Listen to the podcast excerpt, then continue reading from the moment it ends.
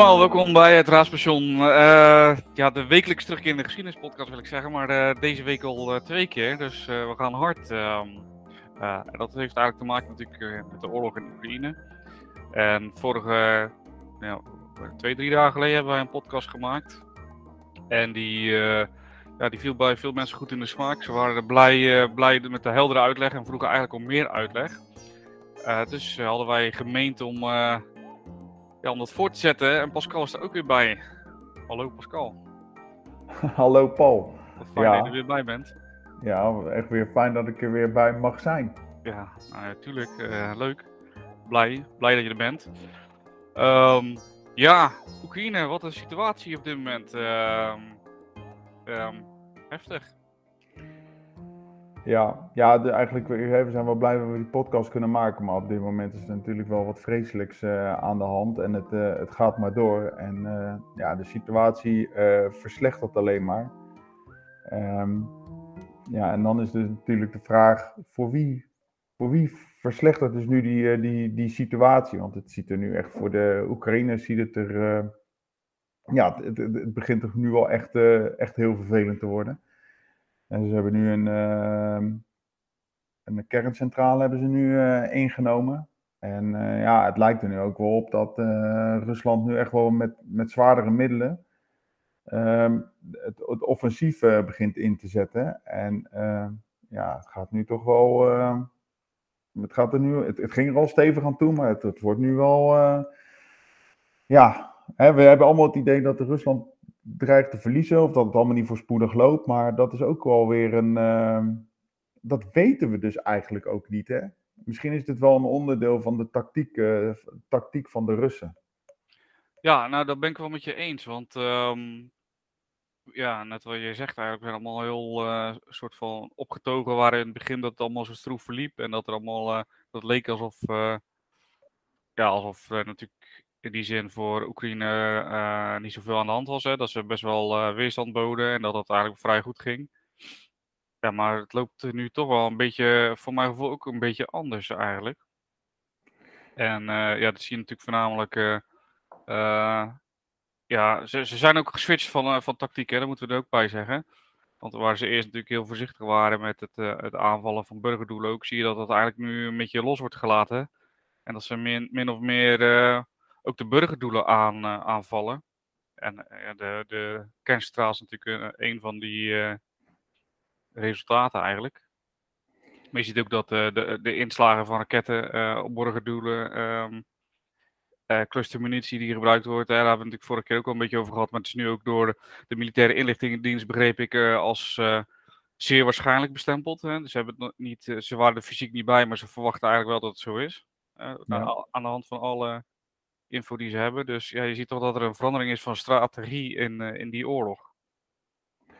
Ja, dan vraag ik me af of het inderdaad een verandering is van strategie, of dat ze nu hebben moeten aanpassen, of was dit gewoon, is dit gewoon de doctrine van het Russische leger? Doet het Russische leger dit gewoon op deze manier? En kijk, en die wijkt natuurlijk wel wezenlijk af van, uh, van wat wij in het Westen uh, zouden doen met een, nou ja, met een opmars. Uh, of in ieder geval met het veroveren van gebieden. Nou ja, lees dus inderdaad Amerika, Irak met geallieerde uh, troepen. Uh, die inval in, in Irak, of in Afghanistan. Ehm, ja, weten wij eigenlijk wel hoe, hoe het Russisch leger optreedt. Weet je, ehm, en daar lees je dus nu ook veel meer over. Um, nou ja, van mensen die daar dus verstand van hebben. dat, dit, dat dit is gewoon de wijze van optreden van, van de Russen we, gaan, uh, ja, we laten ons niet in de steden zuigen, hè, want uh, nou ja, goed, dat, dat willen die Oekraïners natuurlijk wel. Want ja, in, een, uh, ja, in zo'n grootschalig conflict waarop je op die vlaktes eh, tegen elkaar moet vechten, nou, dat zie je in al die krantenknipsels. Ja, het, het Oekraïense leger is in allerlei opzichten niet, niet in staat om partij te bieden tegen de Russen. In, buiten de steden. Dus ja, de Oekraïners willen dolgraag, nou ja, die willen niet dolgraag, maar ja, die zien natuurlijk een tactisch voordeel als zij ehm, de steden in, eh, eh, eh, ja, in, het, in de steden gaan vechten. Ja, en die Rust die denkt, nou weet je wat, nou we hebben het er wel een beetje geprobeerd. we gaan er gewoon omheen, we gaan omsingelen. en van daaruit gaan we dus bestoken. Maar ja, ergens, we, ja, we, we, weten, het, we weten het niet. Het, het blijft lastig. Ja, nou, wat mij opviel was eigenlijk de overeenkomst met uh, de winteroorlog. Hè, de oorlog van Rusland tegen Finland. en daar zien we eigenlijk een beetje een soort gelijk patroon. Het is misschien niet, niet helemaal één op één te vergelijken natuurlijk, maar je ziet wel een soort gelijk patronen. En die start natuurlijk op november 1939, waarbij Stalin min of meer de troepen hetzelfde vertelde. Van we gaan Finland binnenvallen, dat hoort eigenlijk historisch gezien bij ons. En we worden, ja, als bevrijders worden we binnengehaald. Nou ja, die Finnen, ehm, daar werd van gedacht dat die verdeeld waren. Eigenlijk beetje het idee wat Poetin uh, ook bij, uh, bij Europa had, hè, dat Europa verdeeld was. Mm -hmm. Maar natuurlijk het tegenovergestelde werd bereikt. En je ziet eigenlijk dat in eerste instantie, en dat had ook een beetje mee te maken dat Stalin al zijn uh, generaals ontslagen had, die, die allemaal vaardig waren. Hè. Die, hij was natuurlijk heel paranoia, dus al die goede generaals had hij allemaal vervangen door ja, waar, waardeloze generaals, om het zo maar even te zeggen. Dus je ziet dat die verliezen van de Russen in het begin heel hoog waren. Uh, de, schijnbaar er zijn ook verhalen dat uh, Finse verdedigers die, die zoveel schade aanbrachten aan de vijand, hè, want die kwamen dan opgerukt en zij schoten ze gewoon eigenlijk min of meer neer als een soort beat in the grinder, om het zo maar even te noemen. Dat die Finse verdedigers daar ook echt een soort PTSS van ontwikkelden van fuck, ik, ik schiet gewoon, bij bosjes schiet ik mensen neer. En um, je ziet dat dan op een gegeven moment die tactiek gaat veranderen. Hè. Ze leren de lessen tijdens die slagen. En je ziet dat ze inderdaad op een gegeven moment gaan ze uh, uh, veranderen van tactiek en beginnen ze met een tien uur durende artillerieaanval. En dan zie je dat die generaals, ja, er worden weer een aantal competente generaals aangesteld en die beginnen dan toch die Finse verdedigers terug te drukken. Um, tot 30 maart, um, sorry, 5 maart. dan zie je dat ze de ja, hoofdsteden beginnen te veroveren van die Finnen. En uiteindelijk op 12 maart dan wordt er een vredesakkoord gesloten tussen Finland en de Sovjet-Unie. En eigenlijk zie je dus dat op een gegeven moment, op het moment dat ze die, die andere generaals gaan aanstellen en dat ze ja, toch wat slimmer en tactischer gaan spelen, dat ze eigenlijk over die Finse verdediging heen walsen. En dat is eigenlijk een beetje het gevoel wat ik nu uh, min of meer ook krijg. Hè. In het begin zag je een, beetje stagnatie. En, maar nu beginnen ze toch dat zuiden best wel te veroveren. Ik weet niet hoe jij daar tegenaan kijkt.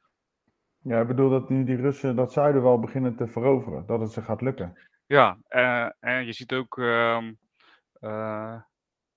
ja, ik zag gisteren een kaartje van troepenbeweging dat in het noordoosten, ja, het noordoosten van Kiev, dat eigenlijk dat, dat ene stuk dat al steeds langer wordt en steeds dichter bij Kiev komt. En dat die omsingeling van Kiev natuurlijk ook, ja, toch wel een beetje vorm begint te krijgen, ondanks dat dat konvooi natuurlijk stilstaat, hè, die, die 60 kilometer. Ja dat, dat deed me een beetje denken ook weer aan de Duitse Ardennen-offensief. Dat, uh, dat ze de grote koningstijgers inzetten. Die, en dat die uiteindelijk niks konden omdat ze benzine op waren. En dat ze verlaten werden. Dus dat, dat gevoel kreeg ik er wel een beetje bij. Uh, alleen Oekraïne is dus blijkbaar niet in staat om dat konvooi aan te vallen. Misschien ook wat jij net al zei, hè, dat ze in het uh, open daar niet de middelen toe hebben. Nee, zij, uh, hebben in ieder geval. Nou ja, goed, het, blijkt dat ze niet die middelen hebben om, uh, om dat uit te kunnen schakelen vanuit de vanuit de lucht. Maar um, ja, weet je, en, en, dit, kijk, ik ben niet, ik ben niet pro-Russisch, hè, en ik ben ook zeker niet, ik, vind het, ik keur het ook ten zeerste af. Maar uh, kijk, je hoort nu zoveel verschillende verhalen en dingen. En ja, de opmarsen die lopen niet goed, hè, de, de, de konvooien lopen niet goed, logistiek. Ja, in elke oorlog uh, waarin er dus een aanvallende partij hebt en een verdedigende partij, is de aanvallende partij altijd in de problemen met aanvoer van logistieke middelen. Dat zie je ook bij de Amerikanen die uh, richting in, in, de Tweede Wereldoorlog vanaf die day uh, zoveel mogelijk proberen op te rukken met de Red Ball Express om zoveel mogelijk spullen aan te kunnen leveren. In Irak zie je dat ook. Ze hadden omgerekend dat ze volgens mij iets van anderhalve kilometer uh, per dag of zo konden oprukken naar, naar Bagdad. En dat had ook te maken met dus dat logistiek de, de, de, de aanvalsnelheid niet kon, de, de, de, de snelheid van aanvallen niet kon opvolgen. Ja, wij zeggen nu ook, ja, die Russen die hebben nu ook een logistiek probleem. Maar ja, is dat niet gewoon een onderdeel van, het, ja, van zo'n van zo'n van zo'n aanval? En het komt allemaal nog steeds heel erg chaotisch over.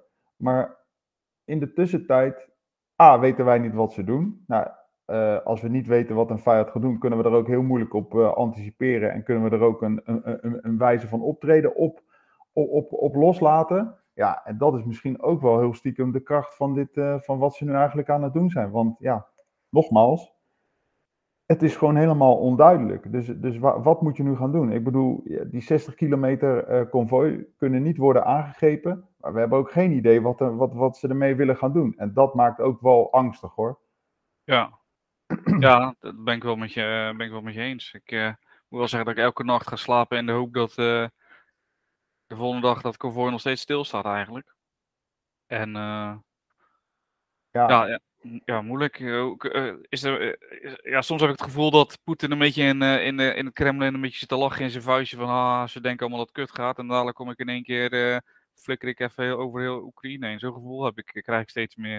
Ik weet niet of dat, uh, ik ben natuurlijk maar een leek, jij bent wat militair onderlegder. Ja, dus ja, weet je, ik zou zoiets hebben van, ja, weet je, de, kijk, les 1 is onderschat gewoon niet je vijand. En als we nu aannemen dat Rusland de vijand is, dan moet je ze nooit onderschatten. En, en ik denk dat je ook meer moet gaan inleven in, ah, waarom doet Rusland dat? Of uh, tussen haakjes, waarom doet Poetin dat? En ten tweede, uh, wat zeg je, je moet ze, ja, het gewoon niet, niet onderschatten. En waar komt dit nu vandaan waarom ze dat doen? Ik denk dat dat het belangrijkste is, dat wilde ik zeggen. Dat je wat meer gaat inleven in hoe kan het nou zo zijn dat uh, Poetin, Rusland, op basis waarvan nu gewoon zeggen van, nou ja, we ontketenen hier gewoon een, nou, een totale oorlog met alles erop en eraan. En wij nemen gewoon voor lief dat we uh, internationaal helemaal worden buitengesloten, dat we, dat de, nou ja, je roept zo'n verschrikkelijke rampspoed over je land af. En, en toch, doet die, toch do doen ze het. Ja. Hoe kan dat? Nou ja, kunnen we daarover speculeren? Heb jij daar een, uh, een uh, theorie over? Nou, kijk, je, nou ja, de theorie. Ik, nou ja, ik, ik, ben maar eens even in de geschiedenisboekjes gedoken. En uh, nou ja, blijkbaar doet Poetin dat dus ook. En dat is wel ook een appel naar, naar hier, naar Nederland. Dat um, hoe gebruik je geschiedenis? En ik denk dat hier ook zeg maar, het gebruik van de geschiedenis en dat weer in jouw voordeel laten werken om een oorlog te beginnen of een vorm van nationalisme op te roepen. Ik denk dat dat, uh, ja, nou ja, je ziet wat het nu teweeg brengt. En je ziet dus ook al dat uh, Poetin sinds het jaar 2000 al hiermee bezig is. En daar schrok ik echt van. Ik heb onderzoek gelezen van het uh, Klingendaal Instituut. Die hebben geloof ik iets van 500 ja, speeches van uh, Vladimir Poetin doorgelezen. En elke keer refereert hij aan het feit dat de Oekraïne en Wit-Rusland, Belarus en Rusland één en hetzelfde volk zijn. En, en dat koppelt hij dus aan dingen die in de geschiedenis hebben plaatsgevonden. Ja, en dat heeft hij in zijn voordeel uitproberen te leggen. En, nou, en nu komt het waar ik eigenlijk mee begon. Kijk, als, je daar, als jij niet iedereen hoeft verstand te hebben van geschiedenis. Maar ik denk dat je serieus eens moet gaan afvragen: ja, klopt het allemaal wel wat die man zegt? Ja, ja. ja, ja, en als je, weet je, en hij legt het nu in zo in zijn voordeel uit, maar het klinkt wel aannemelijk. Het is heel aannemelijk. Als jij ziet dat, uh, nou ja, toen er nog die hele Tsarenfamilie aan de, aan, de, aan de macht was, van, uh, wat is het, 1725 tot uh, 1914 ja, een zesde van, het, van de hele wereld behoorde tot Rusland. Al die gebieden waar we het over hebben, wat jij zei, Finland, Oekraïne, de Krim, alles hoorde er allemaal bij. Stukken van China hoorden er nog bij. Het was echt gewoon een bizar groot land. Nou, als je dus daarop refereert, heel simpel, 22 miljoen vierkante kilometer, ja, dat is van Rusland.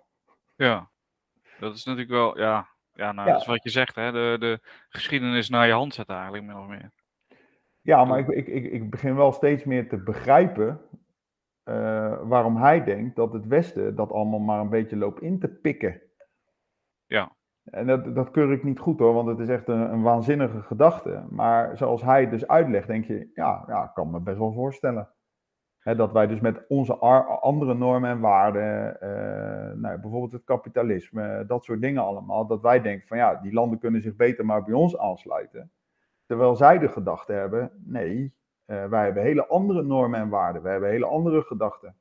Ja, daar kan je het niet mee eens zijn. Maar als zij echt de overtuiging hebben dat zij broeders van elkaar zijn. En, en dan komt er ook nog een ander probleem bij. En dat is dus, daar gaat het dus ook over godsdienst. Ja, dat, dat het Westen, of de westerse gedachten, dat allemaal maar een beetje afpikken. En, en het grote probleem is dus nu ook ontstaan, en dat stond dus uh, ook weer in de krant. Uh, nou ja, je hebt die orthodoxe kerk. Ik weet niet of we dat nog even moeten uitleggen. Maar in ieder geval, die orthodoxe kerk, die, heeft, die hebben per land een patriarch. Dat is anders dan de katholieke kerk. Nou, in het Romeinse Rijk, met die scheiding daarvan, is dat allemaal tot stand gekomen. Maar ja, Oekraïne heeft dus sinds 2018 de Oekraïense kerk. Ja, en dan Poetin, nou, ik geloof niet dat hij heel gelovig is, maar dat is weer brandstof om te zeggen van ja, ho, wacht even. Uh, wij zijn broeders van elkaar, jullie horen eigenlijk bij de Russisch-orthodoxe kerk. En nou zie je dus dat er veel meer uh, orthodoxe kerken in Oekraïne zeggen: ja, wacht, nee, dat gaan we niet doen. Wij worden Oekraïens-orthodox. Dus wij, ja, ja, we zijn wel hetzelfde, maar wij krijgen straks een andere patriarch, de Oekraïense patriarch. Ja, en dat, dat, nou ja, dat is dus. Uh, en toen heeft hij inderdaad ook gezegd: van ja, dan, uh, dit wordt bloedvergieten. Maar broederliefde moet toch van twee kanten komen? Hè, toch? Dat is toch, een, ja, dat is toch het meest simpele argument wat je dan kan geven. Kijk, ik snap, ik snap zijn gedachtegang. In, die, in dat opzicht snap ik dat wel. En misschien is dat mijn, uh, een van mijn mankementen dat ik altijd met heel veel dingen gewoon mee kan gaan in uh, hoe mensen denken. Maar anderzijds, uh, ja, ik kan wel zeggen we zijn broeders. Maar als ik tegen jou zeg we zijn broeders en ik stomp je op je neus, dan denk ik toch ook nou lekkere broeder ben jij. Ja, maar dan, dan is ook de vraag waarom stomp jij je op mijn neus? Ja. Want jij, jij, tikt die, jij, jij geeft mij een tik omdat jij denkt dat ik de verkeerde kant op ga. Ja. Uh, als jij Rusland bent en ik ben Oekraïne. Nou, we hebben altijd uh, nou ja, een soort van samengeleefd. Of jij hebt de beleving van ik ben altijd goed voor jou. En wij, hebben, wij delen dezelfde normen en waarden. En nou ben ik een keer in de stad geweest en denk van nou ik vind het helemaal prima. Maar kan, in de stad kan ik veel meer verdienen.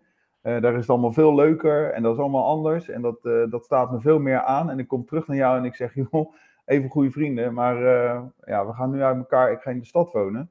Dan denk jij, oh man, dat is verkeerd. En dan krijg ik een tik op mijn neus. Ik begrijp niet waarom ik die tik op mijn neus krijg. Ja, dit is gewoon, ja, als je het naar de, in de kern terugbrengt, het, het is gewoon een compleet andere opvatting van hoe met elkaar om te gaan. Ja. Denk ik. En daarnaast is het natuurlijk ook zo, ja, het gaat natuurlijk ook over macht en macht uitoefenen. Ja, en als je dat dus met elkaar vermengt, met het, ja, het naar jou, zeg maar, het in jouw voordeel praten van de, van de geschiedenis, ja, dan ga je daar op een gegeven moment toch echt wel zelf in geloven. En dan krijg je er ook nog andere mensen bij, nou, die weet je er ook nog van te overtuigen. Overtuigen in de meest letterlijke zin, door alleen maar jouw boodschap uit te dragen. Ik bedoel, uh, ja, mensenrechten worden daar op een andere manier invulling aan gegeven, maar ook het recht op vrije meningsuiting uh, ja, wordt ook anders. Dan denk ik, ja, maar ja, goed, het land heeft ook eigenlijk niet anders gekend dan dat. Nee. Dat nee, is eigenlijk best triest. Dat is zeker waar. Ja, hoe nu verder, uh, Pascal? Nou ja, ik zie het somber in, want uh, er is nu ook een wet doorgevoerd uh, door de Eerste en Tweede Kamer van, van Rusland, waarin dus ook mensen dat fake nieuws, ja. als, als dus de overheid vindt dat het fake nieuws is, krijg je gewoon 15 jaar de bak in. Ja, ja zo. Ja. Nou, dat is bizar. Lekker ja, dan ben je aan de goden overgeleverd. Want ja, Ja. wie gaat, dan gaat iemand voor jou bepalen wat, wat, wat, is, eh, ja, wat is fake nieuws is. Ja, nou ja, goed, als het hen niet uitkomt, is het fake nieuws. Ja, dan zit jij 15 jaar in de bak. Nou, Ja. Ik weet niet of je dat boek De Gulag-archipel een keer hebt gelezen, maar Ja, ik eh, zou niet graag in een Russische cel willen zitten, eh, als ik eerlijk ben. Of in, een, of, in een, of in Siberië in een werkkamp of iets dergelijks. nee. Maar het klo- ja, ik hoorde natuurlijk ook, ehm, ja, ik heb ook verhalen gelezen en gehoord van inderdaad ook bijvoorbeeld studenten die eh, via social media hun onvrede hadden geuit en die toch een brief kregen van ook de school, hè, van eh, ja, als je dat nog een keer doet, en dat is dan natuurlijk wel milder dan 15 jaar gevangenisstraf, maar als je dat nog een keer doet, dan word je gewoon van, eh, van school gegooid. En dan heb je geen opleiding meer. Nee, oftewel, eh, we weten dat je dit roept. Ja, Oftewel, wij weten dat je dit doet en de volgende keer ben je dus de lul. Moet je kijken hoeveel angst en de repressie daar al van uitgaat. Ja. Ja, Ja. dat is echt. eh, Hoe kan je dan ook als uh, Nederlandse politici nog dat steunen? Nou ja, nou, dat, dat, dat kon toen al niet en nu al helemaal niet. Maar ja, dat is natuurlijk ook een beetje het. Ja, we hebben er allemaal van geprofiteerd ook, hè? Gazprom en. Uh, nou ja, noem, noem het me allemaal maar op. We hebben er ook handel mee gedreven. Bloemen gingen ook gewoon naar Rusland. Ja, dat kon.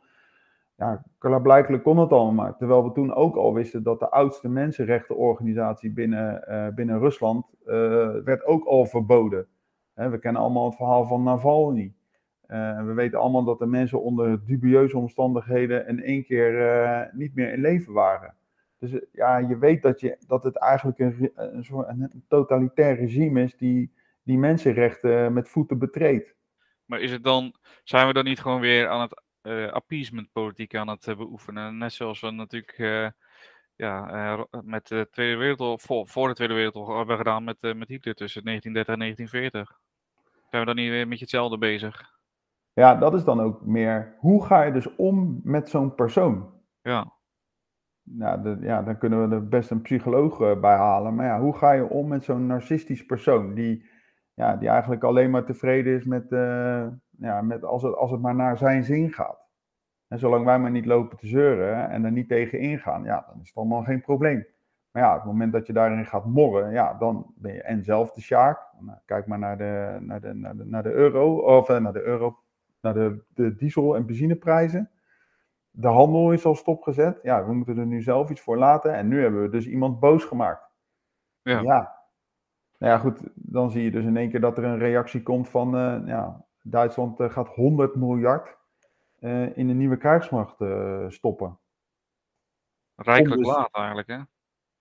Ja, ja. Ik, ja, ik, vind dat al, ik vind dat wel een beetje, ik heb daar wel in die zin moeite mee dat ik, zie ik dan vanmorgen ook weer zo'n politicus op tv en die zegt dan ja, we hadden al uh, lang deze de, NAVO-norm moeten, hadden we al lang moeten halen, maar er is steeds bezuinigd en we zijn ook een beetje in slaap gesust. Ja, ik denk dan soms wel eens van, we spreken toch als NAVO niet voor niks een 2% norm af.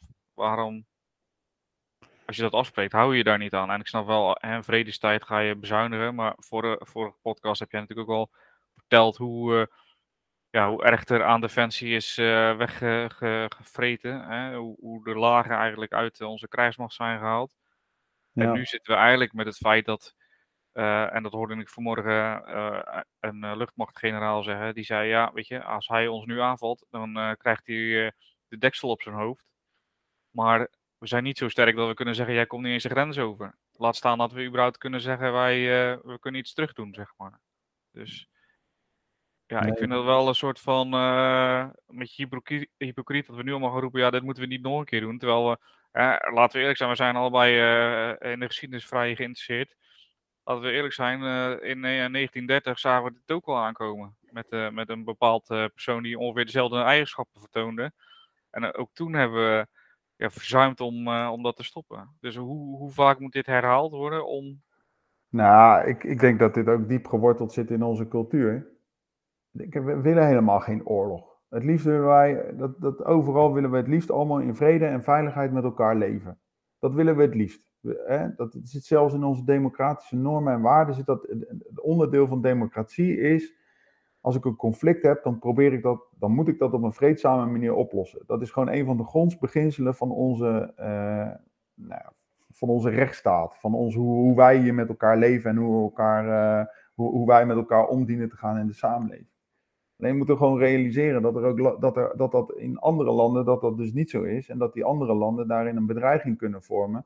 Zodat de manier waarop wij leven met een vrijheid van meningsuiting. En dat we heel veel rechten en plichten hebben die heel netjes in een grondwet liggen vastgelegd.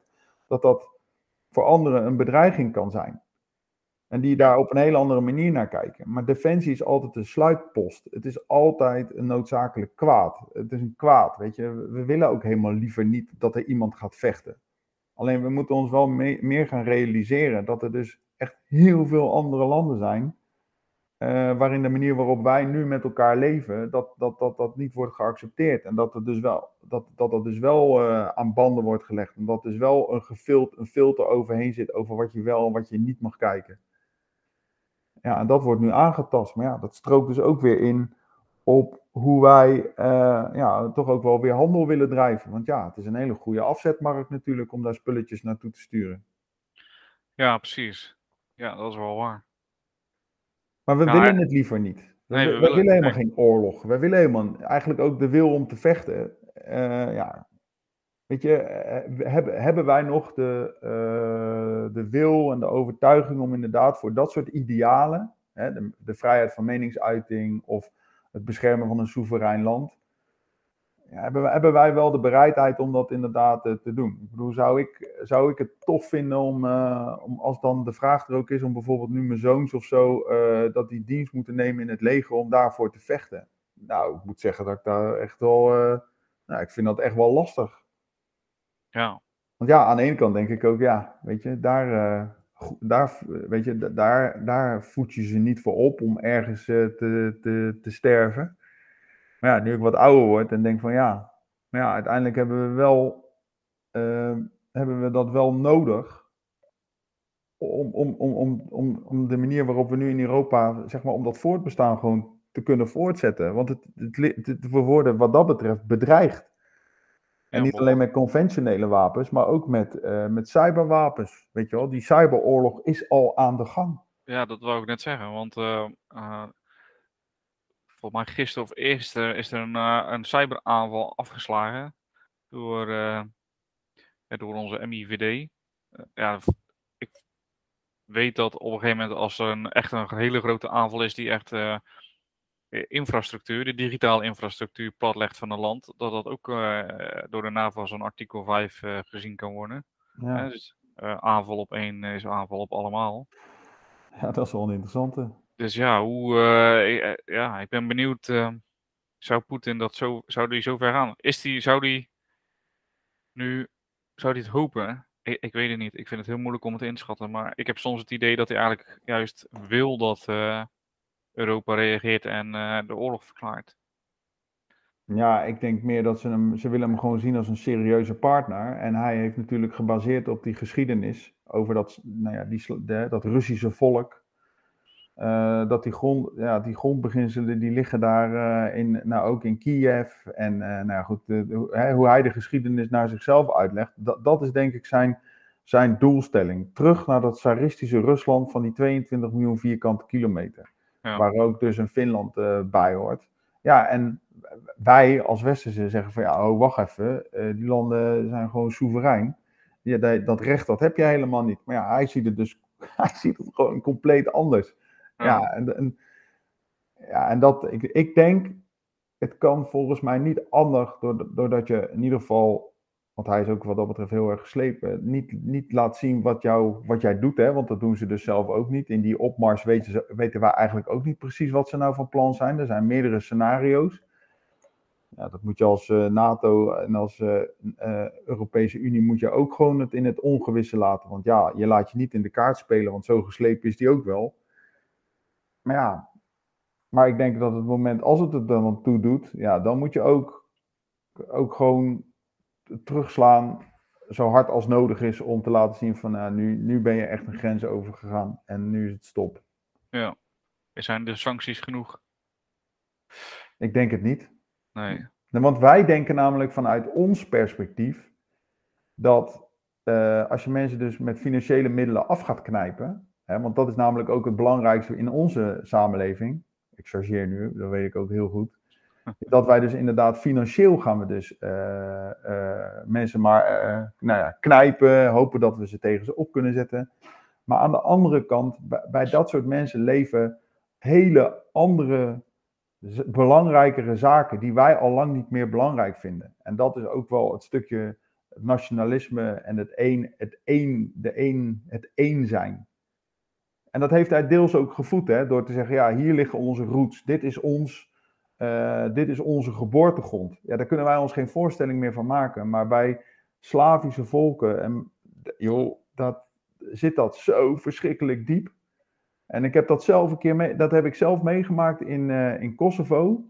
Daar had je natuurlijk de, de Albanese uh, moslims en dan had je dus de, de Serven die daar woonden. Nou, dat stukje in Kosovo, ja, ze zijn er met mannenmacht mee bezig om het geen land te laten worden. En waarom? Omdat er in 1389 een, de slag op het Merelveld, 27 juli 1389, hebben de Serven daar de Turken tegengehouden. Nou ja, tegengehouden. Uh, ze hebben die slag verloren, maar omdat het, uh, ja, het is voor beide partijen niet goed uitgepakt. En dat stukje grond, ik ben er geweest, het is gewoon een stuk plat land. Waarvan jij denkt, ja, oké, prima. Is dat daar gebeurd? Ja, dat is daar gebeurd. Mooi. Uh, maar, maar dat is voor hen nog steeds dat, die symboliek en die, dat, dat telt voor hun zoveel. En daar blijven ze dus ook vast, aan vasthouden. Ja. ja, precies. Dus eigenlijk, uh, ja, wat, wat is het even hard op te denken, hè? want zijn wij dan zoveel verder? Of hebben wij gewoon, zijn we gewoon anders ontwikkeld? Of, uh, ja.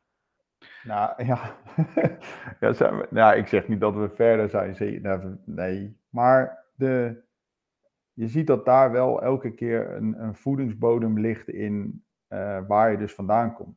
Jouw identiteit telt daar gewoon heel erg. Ook omdat in dat soort landen, uh, ja, die zijn of bezet geweest, of weer, die zijn van, allemaal weer van eigenaar gewisseld. Ja, hey, als jij niet precies weet waar je vandaan komt, waar grijp je dan op terug? Ja, dan ga je kijken naar wat is nou jouw identiteit. En als je ook geen geld hebt, ja, dan, en als je helemaal niks hebt, dan, dan ga je nog dieper zoeken van waar ligt dan mijn identiteit. Ja, en dan, dan denk ik dat nationalisme, of in ieder geval het voeden van dat nationalisme, kan dan echt een hele mooie voedingsbodem zijn om, uh, om dat soort sentimenten nog groter te laten worden.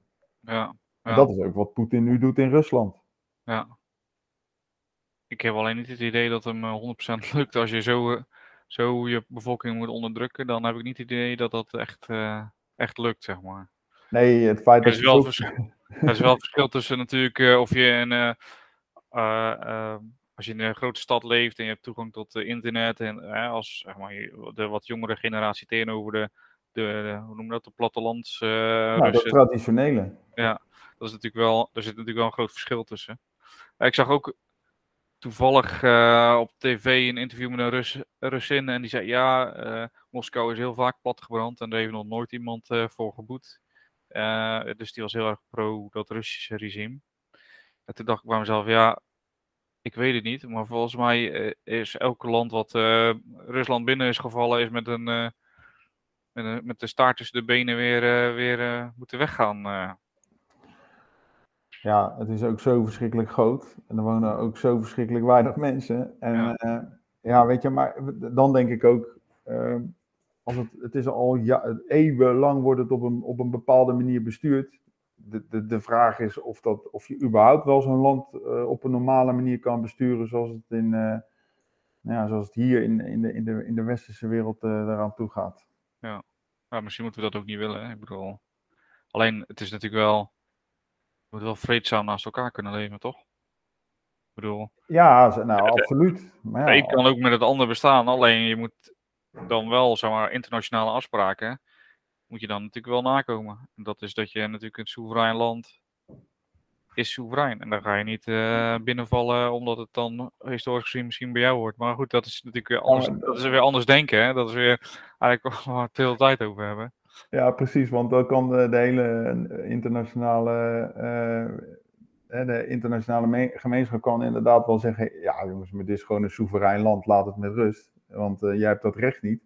Maar als ik zulke diep gewortelde sentimenten heb over dat Kiev de stad is waar ooit het grote Russische Rijk is ontstaan, en dat de, de Russische patriarch die de Russische orthodoxe kerk heeft doen ontstaan, op de Krim is geboren, ja. ja, jongens, ja, dan kun je wel zeggen, ja, je bent soeverein, maar dan zeg je, ja, dat, daar, heb ik geen, daar heb ik geen boodschap aan, want het hoort gewoon bij ons. En, nou ja, goed, ja, hoe kan je dan iemand gaan overtuigen dat dat toch iets genuanceerder ligt? Nou, dat gaat dus niet, omdat alle middelen om daar uh, een ander beeld te laten schetsen, ja, is er niet. Maar goed, ik vind het daarom, en daar zijn we mee begonnen, vind ik het wel echt super belangrijk, vind ik geschiedenisonderwijs dus extra belangrijk. Het gaat dus om oordeelsvorm, eh, ervan uitgaande dat je dus ook een oordeel kan vormen en dat je dus ook andere uh, feiten, dat, dat, je aan feit, dat je de feiten gaat checken en dat je dus kan bekijken, waar, ja, waar komt nu zoiets vandaan en klopt het wel wat iemand zegt? En daarom vind ik het nog steeds schandelijk dat je na twee jaar eh, mag kiezen of je al dan niet geschiedenis gaat studeren. Ja, voor mij zou het een beetje eh, preken voor eigen parochie zijn natuurlijk. Want uh, als geschiedenisdocent. nou, nee, maar het gaat meer om het feit, weet je, kijk, je hoeft niet natuurlijk de hele geschiedenis, je hoeft er niet super geïnteresseerd in te zijn.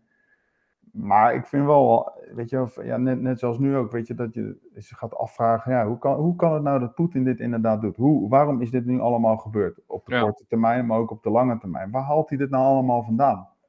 Maar dat is natuurlijk ook eigenlijk het doel hè, van geschiedenisonderwijs.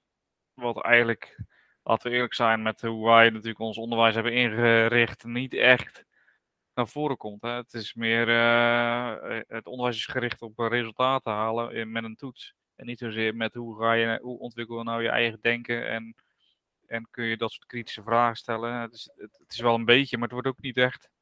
Ik heb het idee dat er meer wordt ingezoomd op het feit dat jij bepaalde historische dingen kunt opnoemen. Uh, vroeger was dat natuurlijk heel erg de data's, hè, dat, je, dat je data's kon uh, stampen. En nu is het meer, oké, okay, je herkent bepaalde patronen misschien. Uh, als je geluk hebt, hè, als je echt goed bent in de geschiedenis, kan je dat. maar voor de rest leer je over de Tweede Wereldoorlog dat die heeft plaatsgevonden, Stalingrad, weet ik wat. Maar je leert veel minder die historische vaardigheden van het, het, het onderzoeken van wat is er gebeurd en hoe beïnvloedt dat eigenlijk de ander? De standplaatsgebondenheid noemen we dat natuurlijk. Ja. En de standplaatsgebondenheid van Poetin is natuurlijk compleet anders dan die van mij uh, en jou en de rest van Nederland. En Europa blijkt wel. Dus ja, eigenlijk is dat, uh, zijn dat hele belangrijke vaardigheden. Misschien moet dat ook breder getrokken worden. Dat het niet alleen in geschiedenis terugkomt, maar ook ja, dat het verweven is met meerdere vakken. Maatschappijleer, burgerschap. Nou ja, dat zie je dus nu en daar is die, uh, deze oorlog is daar een treffend voorbeeld van. Ja, je gaat gelijk een, ja, je, je, je krijgt heel veel, je moet kijken hoeveel informatie je krijgt. Nou, dan ken ik nog een oud gezegde. Uh, het eerste wat sneuvelt bij een oorlog is de waarheid. Die is niet van mezelf. Maar uh, ja, weet je, dus wat is waar en wat is, wat, wat is nu de werkelijkheid? Als je ziet hoeveel ja, informatie erin wordt geslingerd, nou ja, dan vind ik het des te belangrijker dat jij uh, hier bijvoorbeeld daar wel, dat, dat, je dat wel realiseert en dat je dan voor jezelf ook eens gaat uitzoeken van ja, waar komt dat dus nu, waar komt dat nu in één keer allemaal zo vandaan? Ja. Voordat ik daar gelijk een oordeel over, uh, over vel. En dat vind ik wel echt een hele belangrijke, belangrijke vaardigheid. Want er zijn namelijk ook andere landen waar het helemaal niet op prijs wordt gesteld om een, uh, om een mening te vormen. Of in ieder geval op zoek te gaan naar de waarheid. Ja, precies.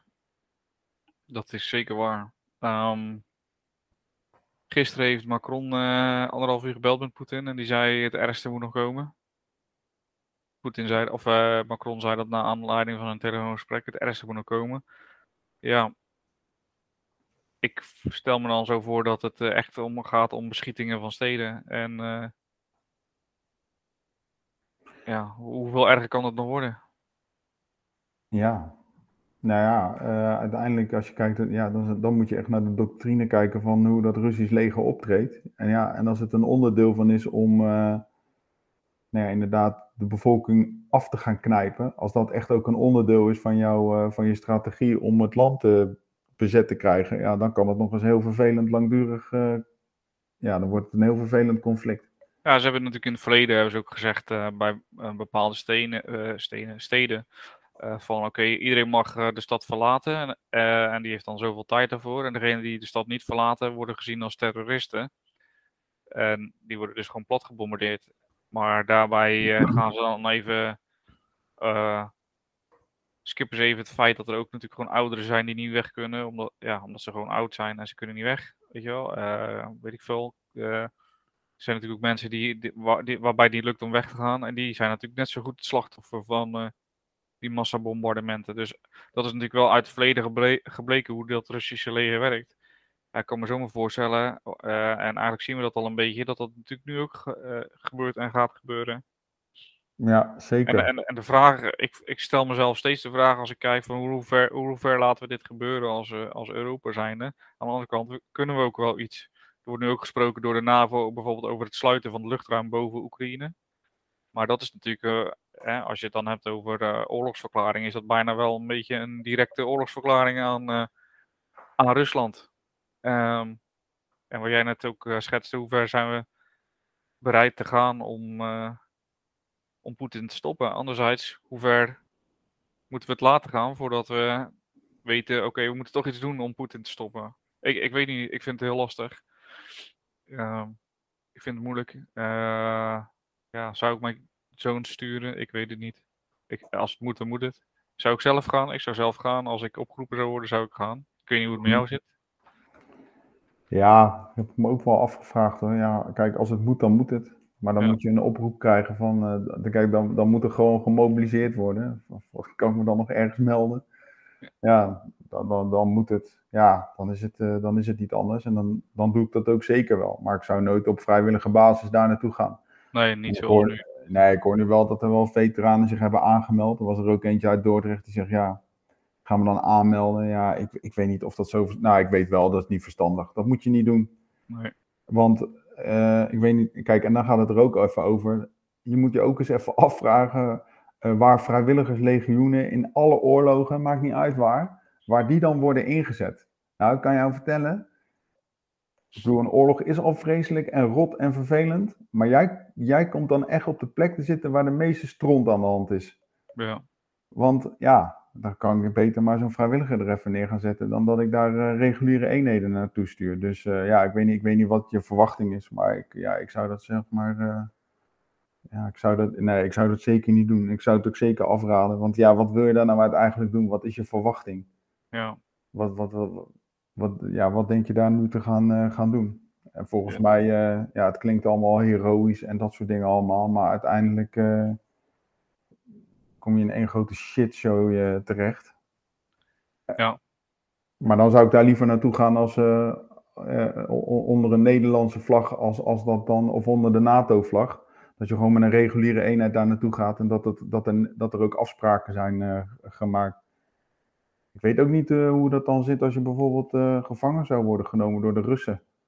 Ik weet niet, breng je dan heel Nederland ook in verlegenheid? Dat je dan als een Nederlandse uh, vrijheidsstrijder daar even wordt opgepakt. Ja, ja goede vraag. En we zijn een broedervolk, dus je kan je misschien voorstellen dat de Oekraïners nog wat menselijker worden behandeld. Maar als je daar als vrijwilliger met je gaat vechten en in Rusland mengt, dan weet ik niet hoe blij ze zijn met jou als krijgsgevangene. Nee, daarom. En uh, nee, je moet ook maar eens even, uh, ook even nagaan. Uh, ik weet ook niet of Nederland het ook zo heel erg leuk vindt om jou ook weer terug te nemen. En dat moeten ze misschien ook allemaal wel. Maar ik denk dat het, dat heeft nog best wel allemaal, nou ja, buiten het feit dat dat heeft allemaal gewoon allemaal nare gevolgen. Ik denk niet dat het, ja, wat wil je uiteindelijk bereiken? Dat vraag ik me ook, dat vraag ik me ook af. Ja, ja, goede vraag. ik denk dat je weinig kan bereiken. Ja, ik zou het in ieder geval niet doen. Nee, nee, vrijwillig zeker niet. Nee. Eén Europees leger dan maar. Ja, zeker. Dat zou, uh, ja, dat, dat, dat zou zeker handig zijn. Ja, maar ik begreep op, vandaag ook weer op tv dat dat niet echt uh, een goed idee was of zo, vonden ze daar. Ik weet niet precies waarom, maar uh, ze gingen wel geloof ik gezamenlijk apparatuur inkopen, uh, wapens inkopen. Hè, dat je gezamenlijk dat doet, dan uh, scheelt dat weer geld. Maar om nou één Europees leger te vormen, vonden ze dan weer overdreven. Maar ik zie niet zo in waarom. Het lijkt me juist heel verstandig. maar goed, ik ben dan ook voor een Europa met losse federatiestaten bijvoorbeeld. Dat is ja. mij de toekomst voor Europa. Uh, ja, dat denk ik ook wel. Ik denk niet meer dat je, dat je met zulke kleine landen nog, uh, nou ja, bestaansrecht, maar in ieder geval alles wordt, alles wordt veel mondialer. Je zal wel moeten samenwerken. Ja. Weet je, ik bedoel, de geschiedenis leert toch ook dat dat, als je klein bent, dat dat dan ook allemaal niet meer heel, heel goed werkt. We zijn toch juist, juist voor, voor, voor samenwerking. Ja, goed, kijk, als je zo'n Europees leger, ja, ik, ik kan me ook wel voorstellen dat dat, dat, dat niet zo heel goed, uh, goed werkt. Maar dat je de eerste stap moet maken om inderdaad goede communicatiemiddelen te hebben, dat een keer goed op elkaar afstemmen. En dat is er ook wel. Hè. Er, zijn ook NATO, er is ook een NATO-standaard, waarin dus bepaalde afspraken zijn vastgelegd. Ja. Um, het is ook wel weer grappig dat er ook allemaal weer verschil in zit. Want dan kom je weer bij de Engelsen en dan hebben bijvoorbeeld bij een Call for Fire doen ze dan net weer op een andere manier. En dan moet je dat toch weer net even wat anders doen. Zelfs onze eigen mariniers hadden dan nog een op de Engelse, uh, een Engelse soort van Call for Fire. En Nederland en, het land mag dan een. En dan moet je dan weer met elkaar gaan samenwerken. Dus dan zit het al tussen eenheden, uh, zit het al, al niet goed. Maar ik denk dat dat ook gewoon te maken heeft met uh, en dat is juist bij militaire organisaties zo, dat heel duidelijk is wat van jou is en wat is van een ander. En, en dat het dus heel moeilijk is om dus iets daarvan weg te geven of er iets van terug te halen. Omdat je het ook het idee van, ja, ben ik daar dan de controle over kwijt? Of, ja, dat is toch een beetje eng. Ja, ja precies. Denk ik. Ik hoorde wel uh, een verontrustend bericht overigens dat uh, Rusland van tevoren op de hoogte, of uh, China van tevoren op de hoogte was, maar dat ze hadden gezegd, wacht even tot na de Olympische Spelen tegen Poetin. Zo. Dat is ook wel even een ding. Ja, ik kan me ook ja. wel voorstellen. Ik bedoel, uh, maar dat is ook weer commercieel gedacht, denk ik dan. Of daar ga ik dan maar vanuit. nou ja, goed. Ja, maar weet je wat, het viel mij wel op dat uh, 22 of 23 februari is uh, Rusland binnengevallen, toch? Ja. Dat is precies dezelfde dag als de start van de februari-revolutie in, oh, ja, in 1917. En dat is eigenlijk wel 8 maart hè, op Internationale Vrouwendag. Maar ja, toen gebruikten de Russen nog de Juliaanse uh, kalender. Dus daar zit, daar zit overlap in, of daar zit een verschil zit erin. En toen dacht ik, ja, als die man nou zo verschrikkelijk met de geschiedenis bezig is, dan vind ik het wel opmerkelijk dat hij het dan op die dag ook, uh, ook doet. Dat is wel bijzonder, inderdaad. Oké. Okay. Ja, we hebben het nog niet opgelost, jongens. Nee, dat uh, duurt ook nog wel even. Nee, ik hoop wel dat het echt wel tot een einde gaat komen. Want... Ja, ja, dat hoop ik ook. Maar ik, ik, vrees, uh, ik vrees met grote vrezen. Ik dacht, in, ja, weet je, in het begin denk je natuurlijk, ze willen alleen die kleine stukjes in de, in Donbass. Ja. En nu, uh, ja, nu wil hij toch een puppet uh, state gaan implementeren in Oekraïne. Ja, ik, ik, ik ben benieuwd hoe dit, uh, hoe dit verder gaat. Ik blijf het ook steeds volgen. Mijn vrouw wordt er wel eens gek van. Die zegt, uh, zie je nou weer nieuws te kijken? Ja, ik, ik vind het wel heel interessant uh, om te volgen. Ja, ik ook. Ik, dus... Ja, het houdt me echt wel... ja, het is wel top of mind inderdaad. Ja. Hoe het zich allemaal verder ontwikkelt. Omdat ik gewoon echt...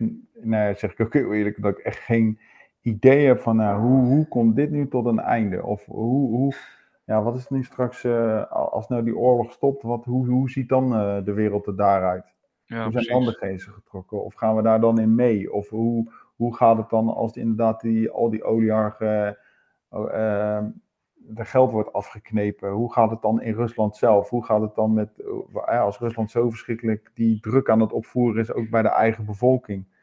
Door het steeds meer te isoleren van de buitenwereld. Hoe, hoe gaat dat dan verder? Komt daar dan een keer niet iemand in opstand? Waarover ik ontzettende bewondering zou hebben als mensen zich daarvoor zouden opofferen. Want uiteindelijk als ze dat gaan doen, dan gaan daar ook, uh, dan sneuvelen daar ook mensen. Ja.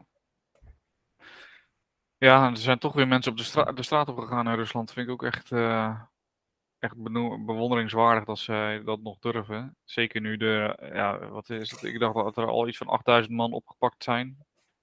Ja, vind ik nog steeds. Uh, er is geloof ik ook de nee, wiskundigen uit uh, Rusland die, allemaal, die uh, allemaal een petitie hebben ondertekend. De eigenaar ja. van Lukoil heeft al gezegd tegen Poetin: kap met deze onzin. Ja. Ja, ik vraag me af of dat hij daar naar luistert. Ik, uh, ik heb geen idee, maar nogmaals, ik heb inderdaad uh, bewondering voor dat soort mensen die, ja. Uh, ja die daar echt tegen op durft. Die daar echt tegen in opstand komen. Hoe klein dan ook. Want uiteindelijk breng je wel je eigen leven in gevaar. Ja. En je weet niet eens wat daar dan nog de, de gevolgen of resultaat van, van zijn. Nou, dat vind ik echt, ja, dat vind ik knap. Ja, precies. Zullen we afsluiten met een Latijns gezegde? Zo. Nou, kom maar door. Ik weet niet zo, mijn Latijn is een beetje roestig, hè? dus ik weet niet of ik het goed uitspreek, maar civis pacem parabellum. Oftewel, als je vrede wil, bereid je dan voor op oorlog. Ja, nou, dat, uh, dat lijkt me een hele mooie afsluiter inderdaad. Uh. Bedankt weer voor het luisteren allemaal. Uh, Pascal, jij bedankt weer voor je inbreng. Um, ja, mocht je dit interessant hebben gevonden, laat het dan ons vooral weten. Dat drijft ons weer verder in onze zoektocht naar de waarheid. Ja, of in ieder geval het uh, belichten van de verschillende waarheden. Precies. Uh, ja, tot uh, volgende keer. ik durf nu niet meer te zeggen tot volgende week, want ik weet, niet, ik weet het niet. Misschien moeten we binnenkort weer een update doen. maar dan, dan, dan, horen jullie dat uiteraard wel. Ja. Dus nogmaals bedankt voor het luisteren en tot de volgende keer.